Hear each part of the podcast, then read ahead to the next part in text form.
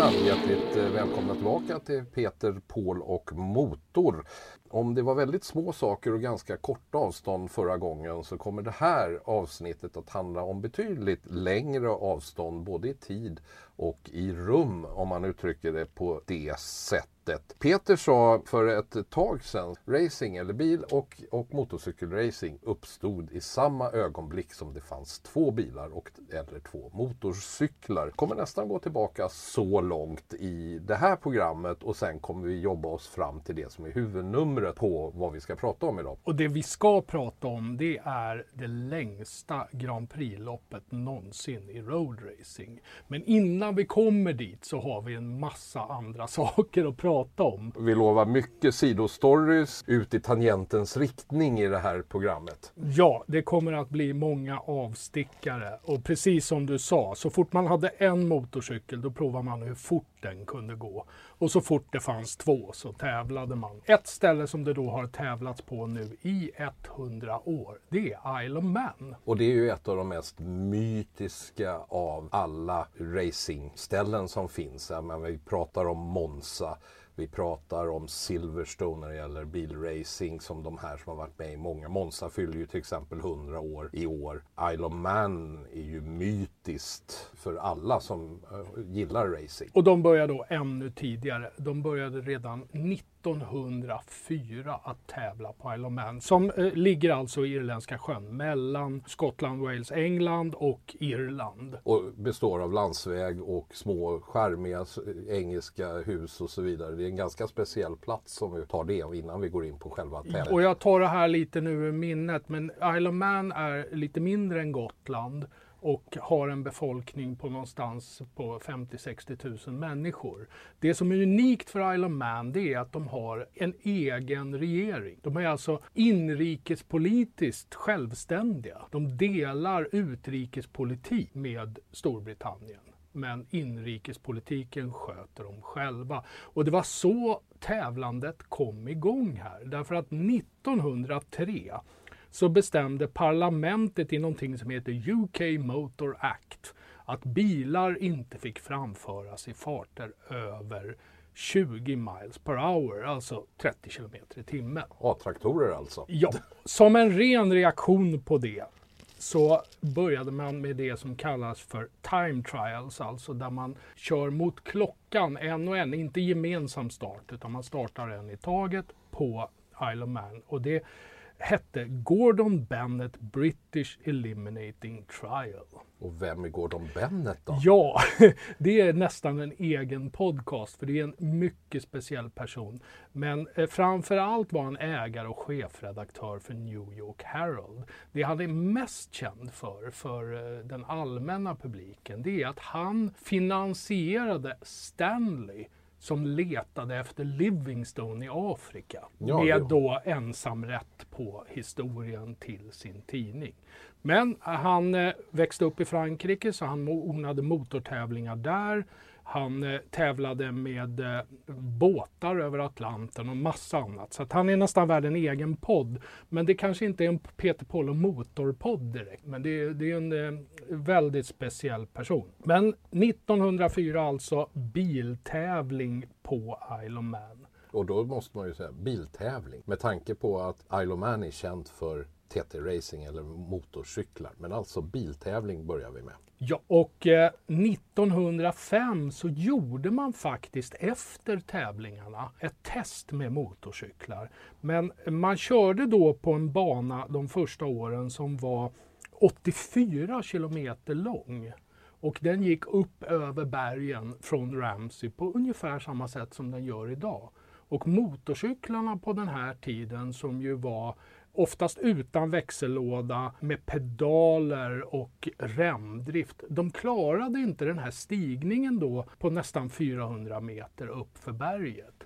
Så att det, det blev inga tävlingar det året. Och eh, det vi kan säga det är också att det var det första året, 1905 är vi på då, som tävlingarna kallades TT, som står för Tourist Trophy. Och det är ju ett eh, begrepp som är välkänt och som vi har sett både på bilar och, och, just i de här sammanhangen. Eftersom den här sortens racing kallas ju ofta för de som inte håller på med den så kallas det ju för TT-racing. Och det som var spännande med de här biltävlingarna som innehöll namn som Royce till exempel var där och tävlade med sina bilar.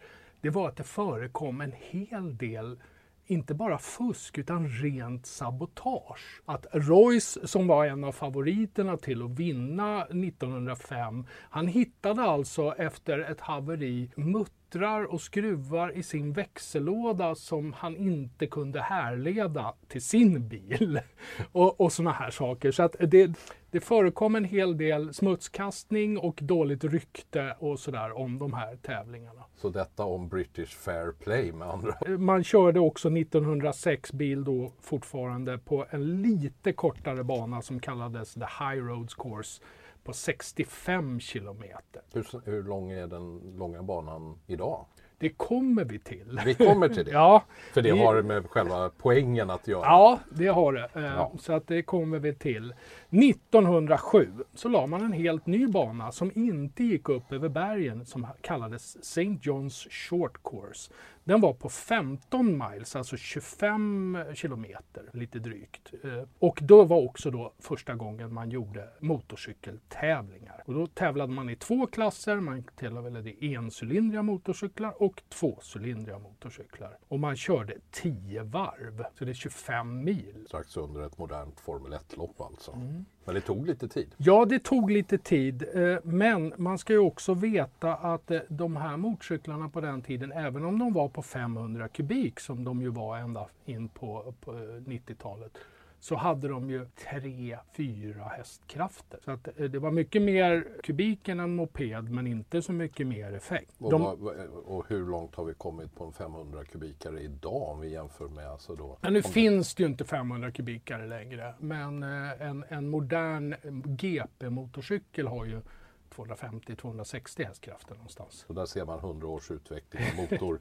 motorer Ja. ur samma storlek. Och de var dessutom då oftast försedda med pedaler. Man var tvungen att tävla med landsvägslagliga motorcyklar, så man var tvungen att ha skärmar på och sådär också. Och de hade i de flesta fall inga eh, växellådor. Vi ska ändå säga att eh, trots att då racet tog eh, lite drygt fyra timmar och segermarginalen var sådär 20-30 minuter, så, så eh, hade de en snittfart, snittfart på allmän väg som ju inte alltid var asfalt heller ska vi säga på den tiden, på över 60 kilometer i timmen. Och det snabbaste varvet var på 87 kilometer i timmen. Och det är riktigt snabbt. Man kan ju tänka mig att det mesta var grusväg på den tiden. Och det, det varvet sattes 1910 ska vi säga på den här St. John's Short Course. I den här vevan också så började man kalla stora klassen för Senior TT, ett namn som lever kvar än idag. Man har Junior TT och Senior TT.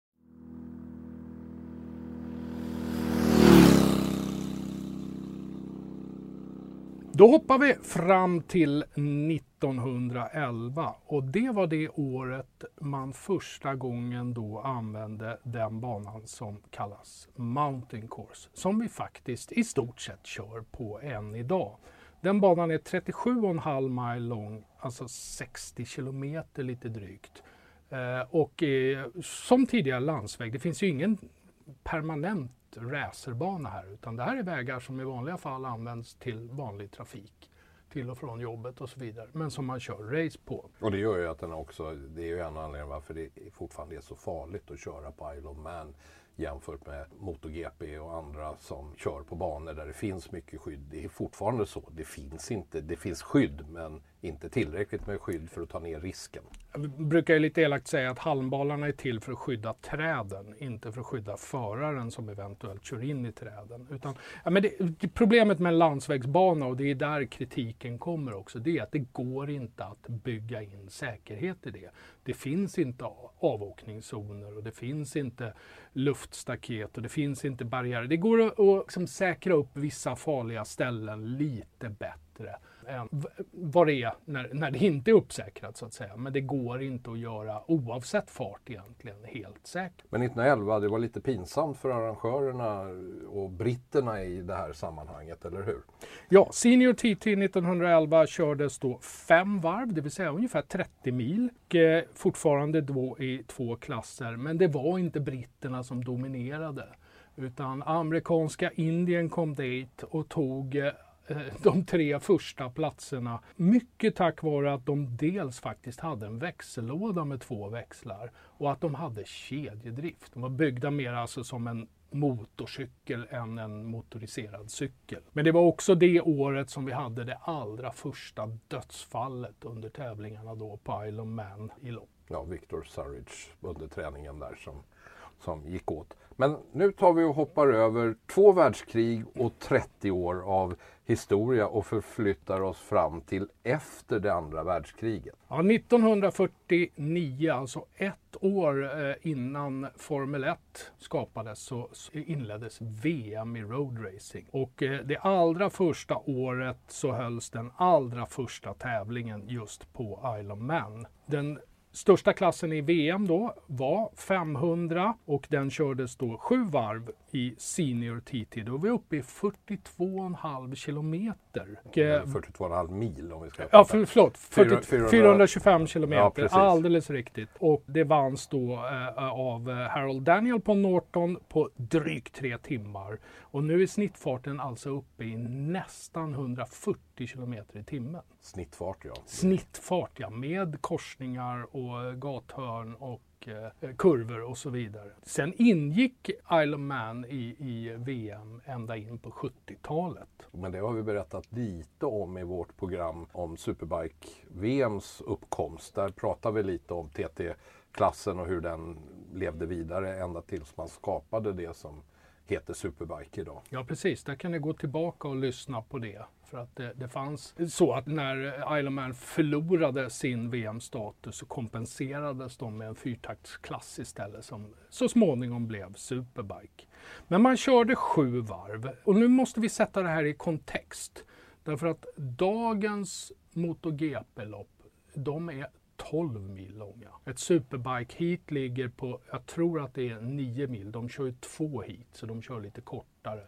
Och ett modernt Formel 1-lopp är antingen 30 mil eller... Ja, det, det ligger mellan 30 och 32 beroende ja. eller sådär på banan. Jag tror att det nominella är 30 ja, mil 30, det, det, eller två timmar. Så det är det man kör. Men här körde man alltså över tre timmar och över 40 mil på motorcykel som ju också är mer fysiskt krävande. Framförallt på ojämna landsvägar i hög fart.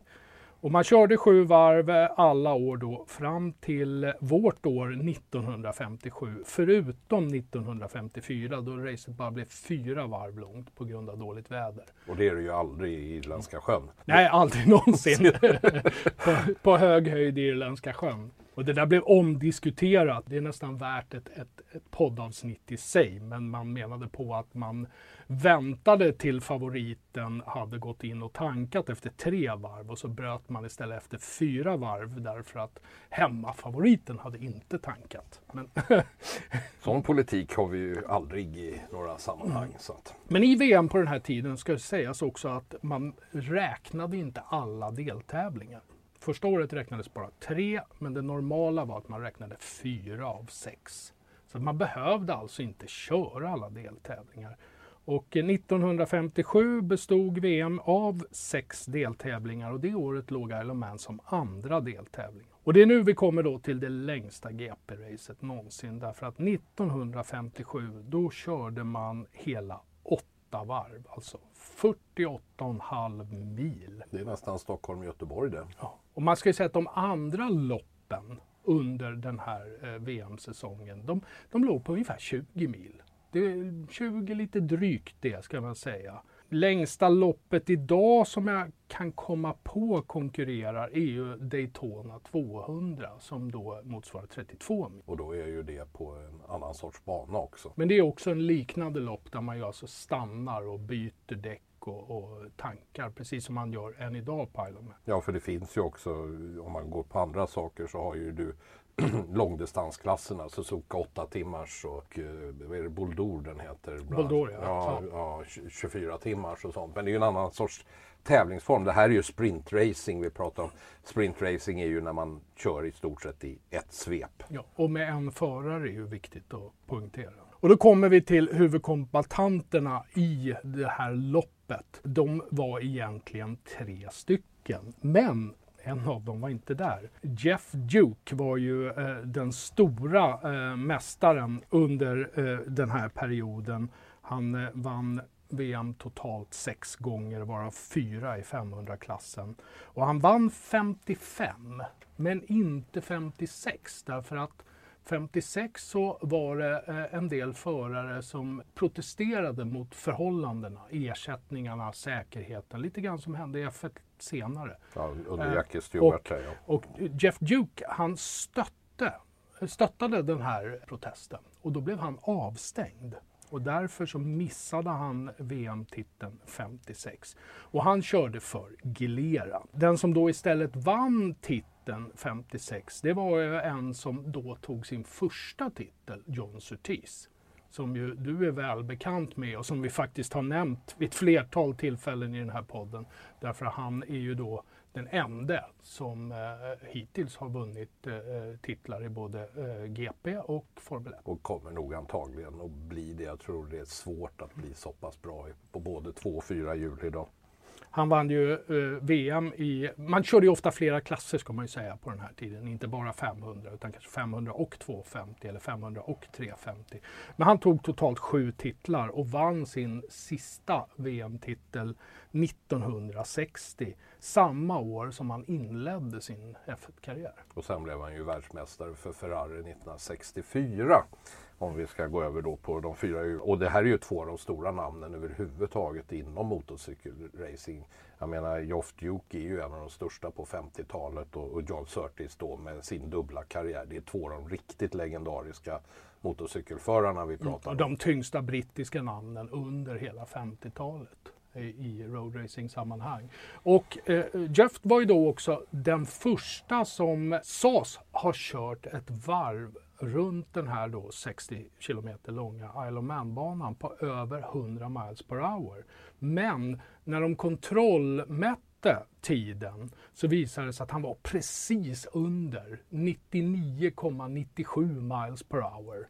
Det var inte eh, mycket. Eh, och det var då 1955. Men 1957 så var han skadad. Det betydde att en skotte som heter Bob McIntyre fick köra hans Gilera istället. Bob hade kört och han hade vunnit på Isle of Man i 350 tidigare. Men han hade kört brittiska motorcyklar. Och här kommer vi ut i en parentes till därför att på den här tiden så var brittiska motorcyklar smala, lätta och encylindriga. Och italienska motorcyklar, nästan uteslutande, det finns tvåcylindriga och sådär, men italienska motorcyklar de var lite eh, större och bredare och fyrcylindriga. Eller i värsta fall då som i fallet Moto Guzzi, åttacylindriga. Men de hade fler cylindrar, tre, fyra cylindrar medan engelsmännen höll sig till en. Så det var två olika skolor. Och i slutet på 50-talet här, framförallt 57, då dominerade de italienska motorcyklarna helt. Men sen efter 57 så gjorde de italienska fabrikerna kom överens om att det här blev för dyrt och, och, och eh, det tog resurser från eh, modeller som de kunde sälja och sådär. Så de kom överens om, alla de italienska fabrikaten, att de skulle sluta tävla i VM. Och sen så eh, tänkte greve Augusta att Ja, nu är jag ensam herre på täppen här om jag ställer upp där. För han tillverkade inte motorcyklar, han raceade bara. Så att sen kom ju MV Augusta då att dominera i 15 års tid. Genom att så att säga ångra sitt beslut och gå tillbaka till racingen igen. Men Duke då fick alltså chansen på eh, Jeff, eh, eller Bob McIntyre fick chansen på Jeff Dukes Gilera. På den här tiden också hade man ju då det som kallades dustbin-kåpor. Det var alltså eh, egentligen första gången som man började med aerodynamik på motorcykeln. Man klädde in hela framändan, inklusive framhjulet, på motorcykeln med en stor kåpa. Och dessutom kunde man ha tankar i den lågt placerade på sidorna. Och det här är ju lite intressant för det tog ju ytterligare ett antal år innan det verkligen slog igenom i, i Formel 1 och man började alltså gå på aerodynamik. Aerodynamik i Formel 1 var ju egentligen bara att få så lågt luftmotstånd genom att göra bilen låg och platt. Eh, men det dröjde ytterligare tio år innan man började med vingar och, och annat. Och Moto Guzzi hade ju alltså en egen vindtunnel. Ja, och det är ju Den finns tidigt. kvar än idag på deras museum. Det är definitivt värt ett besök. Men det man gjorde var att man faktiskt förbjöd de här. Därför att det blev väldigt sidvendskänsligt eh, med de här stora, långt fram monterade kåporna. Så att man eh, bestämde att det ska gå att se hela framhjulet från sidan. Ja, för de här var inte som vi tänker oss kåpor idag utan att eh, de var lite större och lite mer heltäckande. Ja, det var ju nästan som noskonen på ett flygplan eller någonting. Som man hängde på fram på, på motorcykeln. Och då får man samma sidvindskänslighet som man har till exempel inom cykelsporten på, på tempocyklar. Nåväl, vidare. Ja, och när då det här åtta varv långa loppet väl kom igång så eh, slog eh, Bob McIntyre till med det snabbaste varvet någonsin från stående start på 99,99 miles per hour. Fortfarande inte. Fortfarande ja. Men han kom sen senare under racet att, att bry- bryta 100 miles eh, vallen flera gånger faktiskt under det här åtta varv långa loppet. Men det var ju inte heller då problemfritt. Eh, Redan efter första varvet var Surtees inne och bytte eh, minst ett tändstift. Jag har alltid funderat på hur de visste vilket tändstift de skulle byta. För det var ju fyrcylindriga motorer. Eller om de helt enkelt bara bytte alla fyra. kommer du nog aldrig få reda Nej. på för det finns ingen kvar att berätta det heller. Nej, och eh, även Bob McIntyre var inne och bytte tändstift på andra varvet. Och sen så körde de då det här loppet och till slut så var Bob McIntyre först i mål med 3 timmar 2 minuter och eh, 57 sekunder. Och snittfarten då på åtta varv med tankstopp och inklusive det här extra stoppet låg på 98,99 miles per hour. Men tre timmar i sträck på motorcykel och speciellt på den tiden. I- Alltså, det, motorcyklar nu är en helt annan sak än då. Mm. Det måste varit otroligt fysiskt krävande. På den här tiden var det ju asfalt, men det var ju vanlig landsvägsasfalt. Så det var massa olika sorter och väldigt ojämnt. Det är 160 kilometer i timmen i snitt. Och du kör ju genom städer och byar och upp för berg och eh, ner för berg och så vidare. Alltså om ni inte har gjort det någon gång, bara starta Youtube och titta på någon som kör ett varv på Isle of Man. Det finns hundratals. Och jag brukar ju säga det att de här förarna som kör just och, och det finns några andra sådana här. Det finns ett, ett lopp i Ulster också i, i norra Nordirland där det finns några riktigt skrämmande sekvenser. Eller alltså, det går enormt fort. Jag brukar ju med bestämdhet hävda att motorcykelförare av den här kalibern de saknar någonting som kallas en överlevnadsgen. Om jag ska vara riktigt petig. Ja, jag tror att det är en förenklad version av sanningen, men, men eh, du får väl tycka Jag har, jag har, det. ja, jag tycker det. Eh, Det som är fascinerande där är alltså att de körde då alltså ett varv mer än 1949, bara åtta år senare, på samma tid. Vilket säger en hel del om utvecklingen som skedde på 50-talet med cyklarna. För det, det var väl då när de gick igen, alltså när hela den, det som blev den moderna motorcykeln kom ju till under den perioden. Men sen har man aldrig kört så här långt Nej, igen. sen gick man ner på sju varv igen eh, de följande två åren, 58, 59 och eh, från 1960 så har det varit sex varv. Och det är det än idag. Nu kör man ju superbike i de största klasserna och de kör sex varv i Senior TT. Och Ungefär, är, hur lång tid har du att köra? Ja, nu har de alltså en snittfart, om jag kommer ihåg rätt, på ungefär 235 kilometer i timmen. Och de kör På den här tiden körde de ju då varvtider på 22 minuter. Jag tar det här ur huvudet nu, 22,5 minuter ungefär. Nu kör de på 16,5 minuter. Vi kan kolla upp det. Så, så Ja, om det blir Nästan, det är fel, ja, 16,40 blir, det fel, blir, det någonstans. fel, Ja. blir det fel på det här så tar vi och Mm. tittar på det, det. finns massor med experter på Isle of Man men det går väldigt mycket fortare och eh, motorcyklarna är väldigt mycket bättre. Eh, däcken är väldigt mycket bättre. Men banan är i stort sett densamma.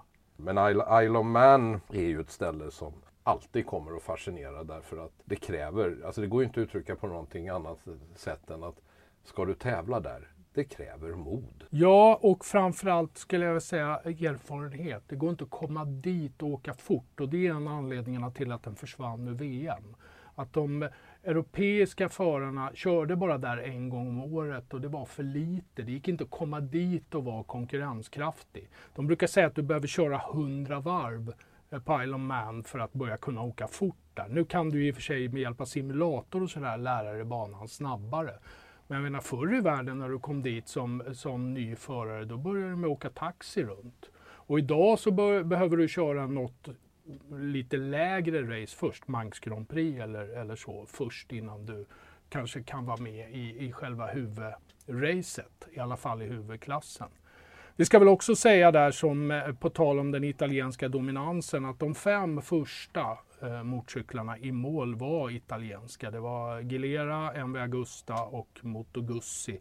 Och bästa brittiska motorcykeln Norton kom då först på sjätte plats och var 13 minuter efter. Vilket ändå inte är så långt som man tycker att det låter eftersom det var den här långa distansen och då blir det ju automatiskt eh, Ja, det är ett avstånd. halvt varv av de åtta då. Så att, eh, det är väl ungefär så man kan sätta det i relation.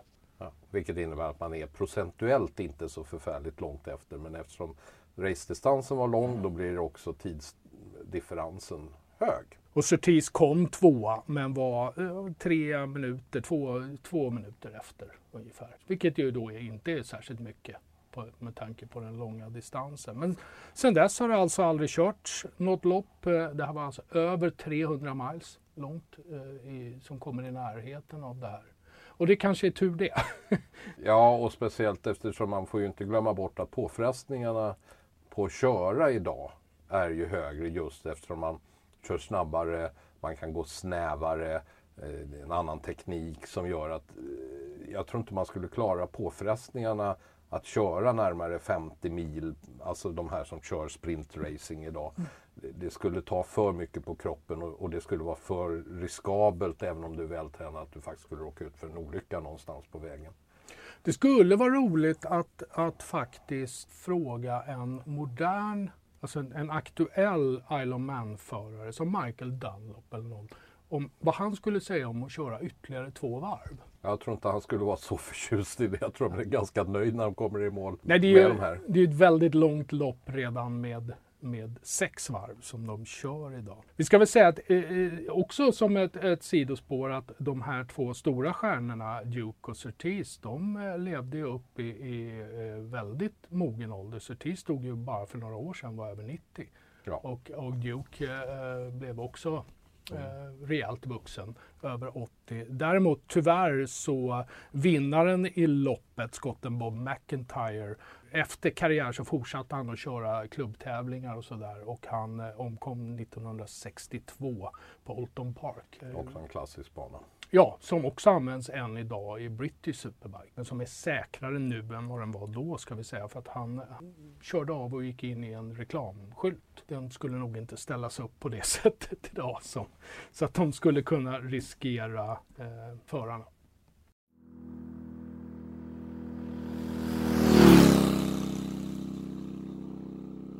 Ja, det var historien bakom och historien om den längsta Grand Prix-tävlingen i roadracing någonsin. Men Paul, då vet jag att du var tvungen att titta eh, stödhjulsracingen. Hur långt har de kört? Ja, ja, och då pratar vi Formel 1. Vi tar inte alla andra klasser. Men då är det två lopp man faktiskt ska nämna. Om vi tar över tid så är det ett ganska roligt race, eller väldigt roligt race. Det är Kanadas Grand Prix 2011. Det här när det regnade och Jenson Button vann racet trots att han var i depå sex gånger. Det tog fyra timmar och fyra minuter. Nu har man infört en, en tidsgräns så det kommer inte att slås. Eh, för det måste genomföras inom tre timmar tror jag det är idag. Att det måste, mm. Med en racetid på, på två. Mm. Precis, men det får inte ta mer än tre timmar. För då kortar man Eh, tiden. Och det är sju minuter längre än vad Indianapolis 500 1951 tog. Så det är det längsta tidsmässigt. Men det, det, det, som har varit längst i distans, det har vi faktiskt touchat på i vårt program om säkerhet inom motorracing som är en tidigare podd som ni kan leta rätt på i listan. Där 1951, Frankrikes Grand Prix 1951, då körde man alltså 60,1 mil. Vilket är alltså dubbla distansen mot vad man kör idag. Och då ska man veta att den banan var otroligt snabb. Det är, det är Remsbanan, som, alltså en landsvägsbana, där det i stort sett, om jag kommer ihåg rätt, det är tre långa, långa raker eh, med kurvor emellan vilket gör att eh, snitthastigheterna eh, är, var höga. Men det är alltså, så Frankrikes Grand Prix 1951 är det längsta racet och det är 60 mm. mil. Då vill jag omedelbart säga att du har förmodligen fel. Okay. För att Indy 500 ingick i VM så är det 80 mil. Ja, det borde ju vara så. så att, eh, eh, Men vi, kan, vi kan separera dem därför att Indy ja. 500 är unikt som företeelse i och med att man aldrig sänker farten. Alltså man, man kör ju fullt i, i 200 varv på den 2,5 mile långa banan. Och, det, och det, vi pratade ju om liksom vad är måldistansen i Formel 1, den är faktiskt 30,5 mil. Mm. Vi trodde att det var 30 men den är, den är 305 eh, kilometer är måldistansen. Det vill säga man tar varvet och så räknar man så att man kommer så nära den som möjligt och det är så många varv det blir i ett lopp. Det är intressant också tycker jag, eh, bara som rent eh, parentesiskt, att, att man har halverat distansen i båda disciplinerna. Alltså man har gått från 60 mil då ända ner till 30 mil. Och eh, standarddistansen i roadracing var 20 mil och nu är man nere på 12. Så att det, det är, men det är som du säger också, det är högre påfrestningar eh, på förarna i båda kategorierna. Med G-krafter, med eh, den mer fysiska utmaningen att framföra fordonen. Och sen har det ju varit det här med också att, att racing kommer ju trots allt från distans. Alltså Le Mans och andra när det gäller motorracingen. Alltså att uthållighet var en grej och det man ville testa när man började med racing. Det är ju samma som med cyklarna. Man började ju med 50 mils distanser i Tour de France. 50 mil på cykel. Idag så tror jag det är oerhört sällan de går över 25 och, och idag tror jag riktdistansen på eh, Tour de France, om det inte är bergsetapper, ligger på 20 ungefär. Så att man försöker. Så det är en samma tendens att det var väldigt mycket uthållighet i början men sen har man gått mera på eh, att verkligen nå det man säger, sprintracing. Så att eh, det gäller både motorcyklar, bilar och ja, som det här exemplet då med cyklar också. Det jag ska runda av med från eh, hela det här det är att 2017 då var jag på plats eh, på det som kallas Classic TT, det som går på hösten på Isle of Man. Och då så eh, skulle man hylla den här första 100 miles per hour varvet som gjordes då 1957 av Bob McIntyre. Och då hade man också ett företag som hade byggt jag ska inte säga replikor, för det är det bara om Gilera själva hade byggt dem. Men de har byggt kopior av de här fyrcylindriga Gilerorna, bland annat. De har byggt lite MV eh, Auguster och sånt där också. Men då hade de tagit fram en sån med sån dustbin-kåpa som det kallas och allting. Som de lät Michael Dunlop köra ett varv på. Och Michael Dunlop är en av de stora Isle of Man-förarna i den här generationen. Ja, som fortfarande är aktiv. Och eh, han lyckades enligt uppgift faktiskt köra den på drygt 100 miles per hour. Jag hörde 101,4 var den siffran som nämndes. Med stående start. Så att eh, så med dustbinkåpa och med en 50-talscykel fast nybyggd. Nybyggd ja. Så, så, så kunde man komma upp i ungefär samma fart som de här killarna. Men det visar, det, det som är intressant med den grejen är ju att det visar ju att med all träning och med hur vältränad man är och cyklar och allting sånt. man är uppe i samma farter för då 70 år sedan nästan som man är idag på samma material. Det vill säga att de var rätt bra på att köra redan på den tiden. Ja, jag skulle vilja säga att förarna idag är bättre tränade. Både på att köra motorcykel men också fysiskt. Det är färre cigarrer och whisky och eh, liksom eh, leva livet mentalitet på förarna idag. Det är mer seriösa idrottsmän än vad det kanske var på 50-talet. Ja, då... Men det berodde ju också på att det var mycket farligare då. Även om vi ska säga att Isle of Man eh, är ju minst lika farligt idag som då. Återigen, om ni tycker om det ni hör och gillar att lyssna på oss när vi breder ut oss i våra sidospår. Så eh, dela gärna och eh, rekommendera Peter Paul och Motor till era bekanta. Vill ni kontakta oss så gör ni det på vad då Paul? Helst då på Peter, Paul och Motor i ett ord med och då som ett ord. At gmail.com och eh, ni får gärna prata vad ni vill med oss och gärna komma med idéer att det här skulle ni vara intresserade av att vi gör ett program. Ni får till och med vad som kallas en shout-out om ni skulle komma med ett förslag som vi gör ett program så lovar vi att tala om att vi har fått det från er just att vi gör det för er skull. Så att, eh, det får ni gärna göra. Peter, Paul och motor gmail.com. Och därmed så rundar vi av den här podden men vi är snart tillbaka med fler avsnitt.